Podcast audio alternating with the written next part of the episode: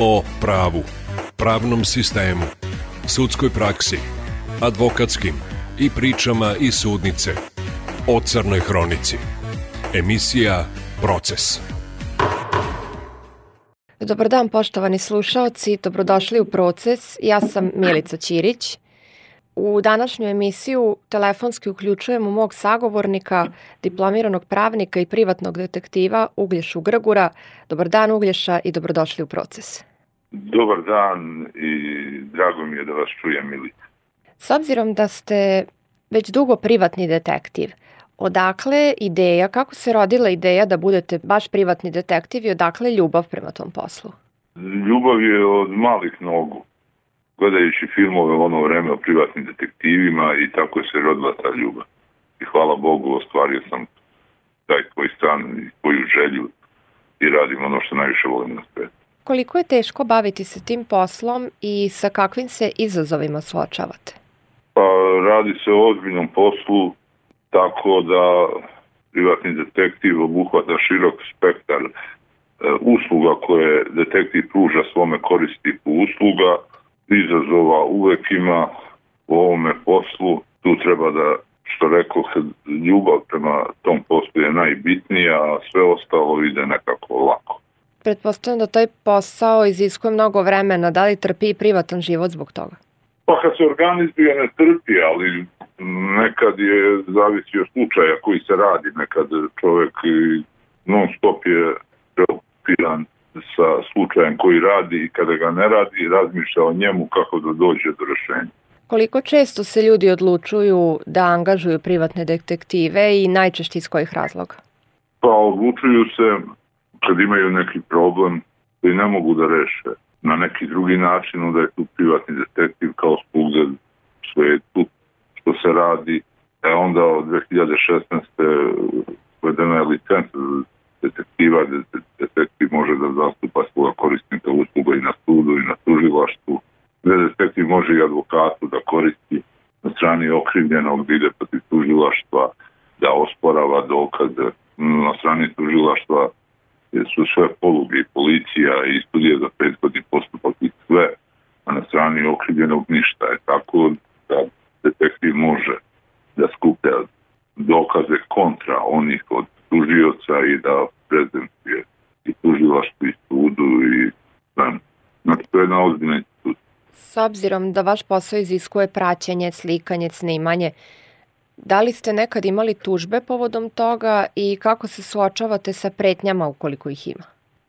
Nikad nisam imao tužba, nikad nisam imao ni pretnje za svojih 30 godina rada i više.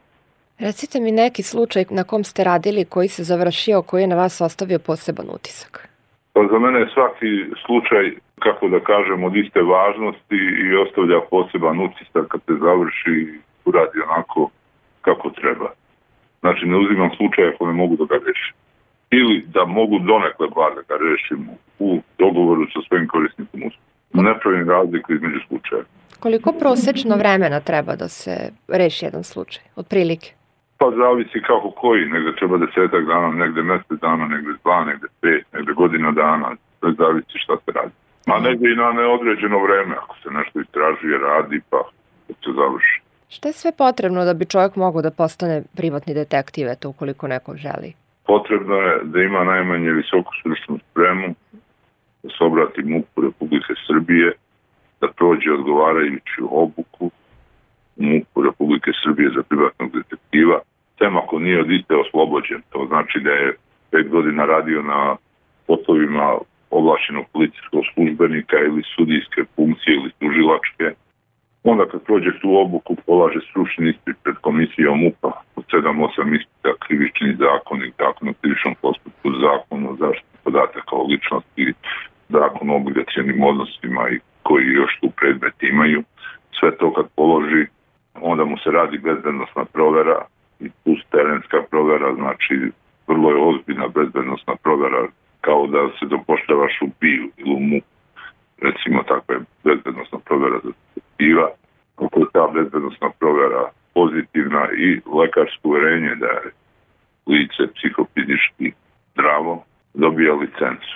Kad dobije detektiv licencu, onda njegova kancelarija mora da dobije licencu isto od MUPA Republike Srbije po uslovima koji je prepisao ministar policije. Moraju sve te uslove da ispunjavaju. I ako dobije tu licencu, onda MUP Republike Srbije izdaje detektivu službenu legitimaciju detektiva koji je javna isprava. I detektiv počinje sa radom. Jako rigorozni su uslovi da bi neko postao detektiv. Da li ste nekad odbili neki slučaj da radite? Jako... Naravno, nekad se i odbije, da. Nekad nešto što ne može ni malte ne da se počne da se radi, da, da, kako da ne, da, da. Nešto gde vidim da ne, da ne mogu pomoći, da nema svrhe, da još jedno pitanje, kolika je odgovornost zapravo taj posao? Vidim da su teški uslovi da se postane detektiv, koliko odgovornost on nosi sa sobom? Koliko odgovornosti nosi taj posao? Da. Pa nosi odgovornost, zato da, je, rekao što ipak je jedna ozbiljna institucija i mi imamo slučaj da se danas ljudi lažno predstavljaju kao samostalni detektivi, to je stručni naziv za detektiva, a u praksi u narodu poznat kao privatni detektiv.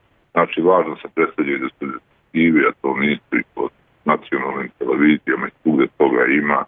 Znači, ko želi da se obrati detektivu, treba da vidi licencu, treba da vidi legitimaciju, treba da vidi sve da se uveri da je to zaista pravi detektiv. E, pravi detektiv on nosi odgovornost svoj rad, a lažni koji ih ima, nažalost, oni ne nose nikakvu odgovornost. Da li ste znači, negdje... to je jako odgovoran posao i iziskuje veliku odgovornost, ozbiljnost, rad i što je najbitnije diskreciju. Da li ste nekad radili osim tih međuljudskih partnerskih porodičnih odnosa i na slučaju nekog ubistva, nekog teže krivičnog dela? Naravno da sam radio. To što ste rekli prvo, to je jedna od delatnosti. Tako ne, radio sam i ubistvo, maloletničke delikvencije, provere. Znači, lepeza je široka usluga koju pruža detektiv to je kao u narodu ono da se preveravaju muško-ženski odnosi, to je samo jedan delić za te pisme. Većina naših slušalaca ni ne zna za bilo koju drugu osim međuljudskih odnosa, zato što nekako se ni ne zna šta sve zapravo privatni detektiv može da radi. Pa znate kako, kad zatreba, znaju kad dođe stani pani da nigde nisu rešili svoj slučaj, naravno da se obrati privatni Mnogo vam hvala što ste govorili za emisiju Proces.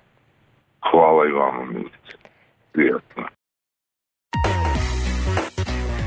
O pravu, pravnom sistemu, sudskoj praksi, advokatskim i pričama i sudnice o crnoj hronici.